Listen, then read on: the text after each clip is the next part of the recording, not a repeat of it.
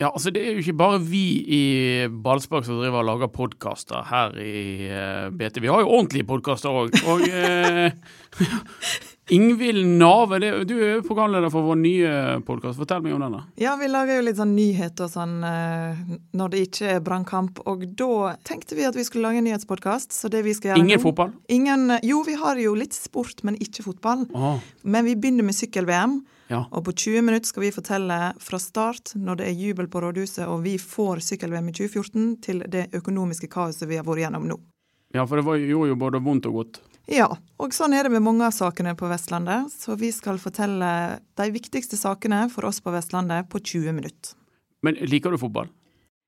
Ja, Men du heier på feil lag, du. for ja jeg hører- er hører lang vei. Ålesund-supporter. så Hæ? det- jeg- Ja, det er en fiende i studio. Hva sa du? Ålesund. Ja, men Dere kan jo høre på podkasten likevel. Ja, det håper jeg.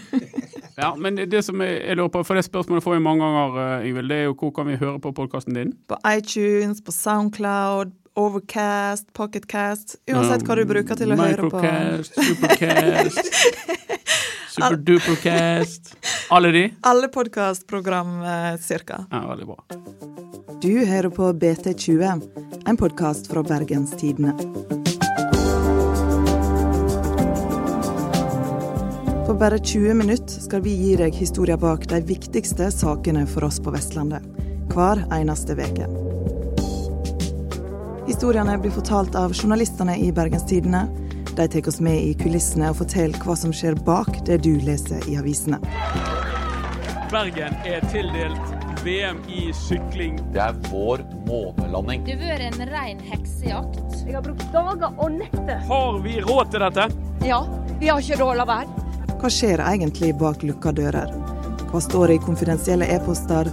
Og hva slags hemmeligheter kan en bunke med kjedelige dokument røpe? Første episode for det 14. juni. Mitt navn er Ingvild Nave.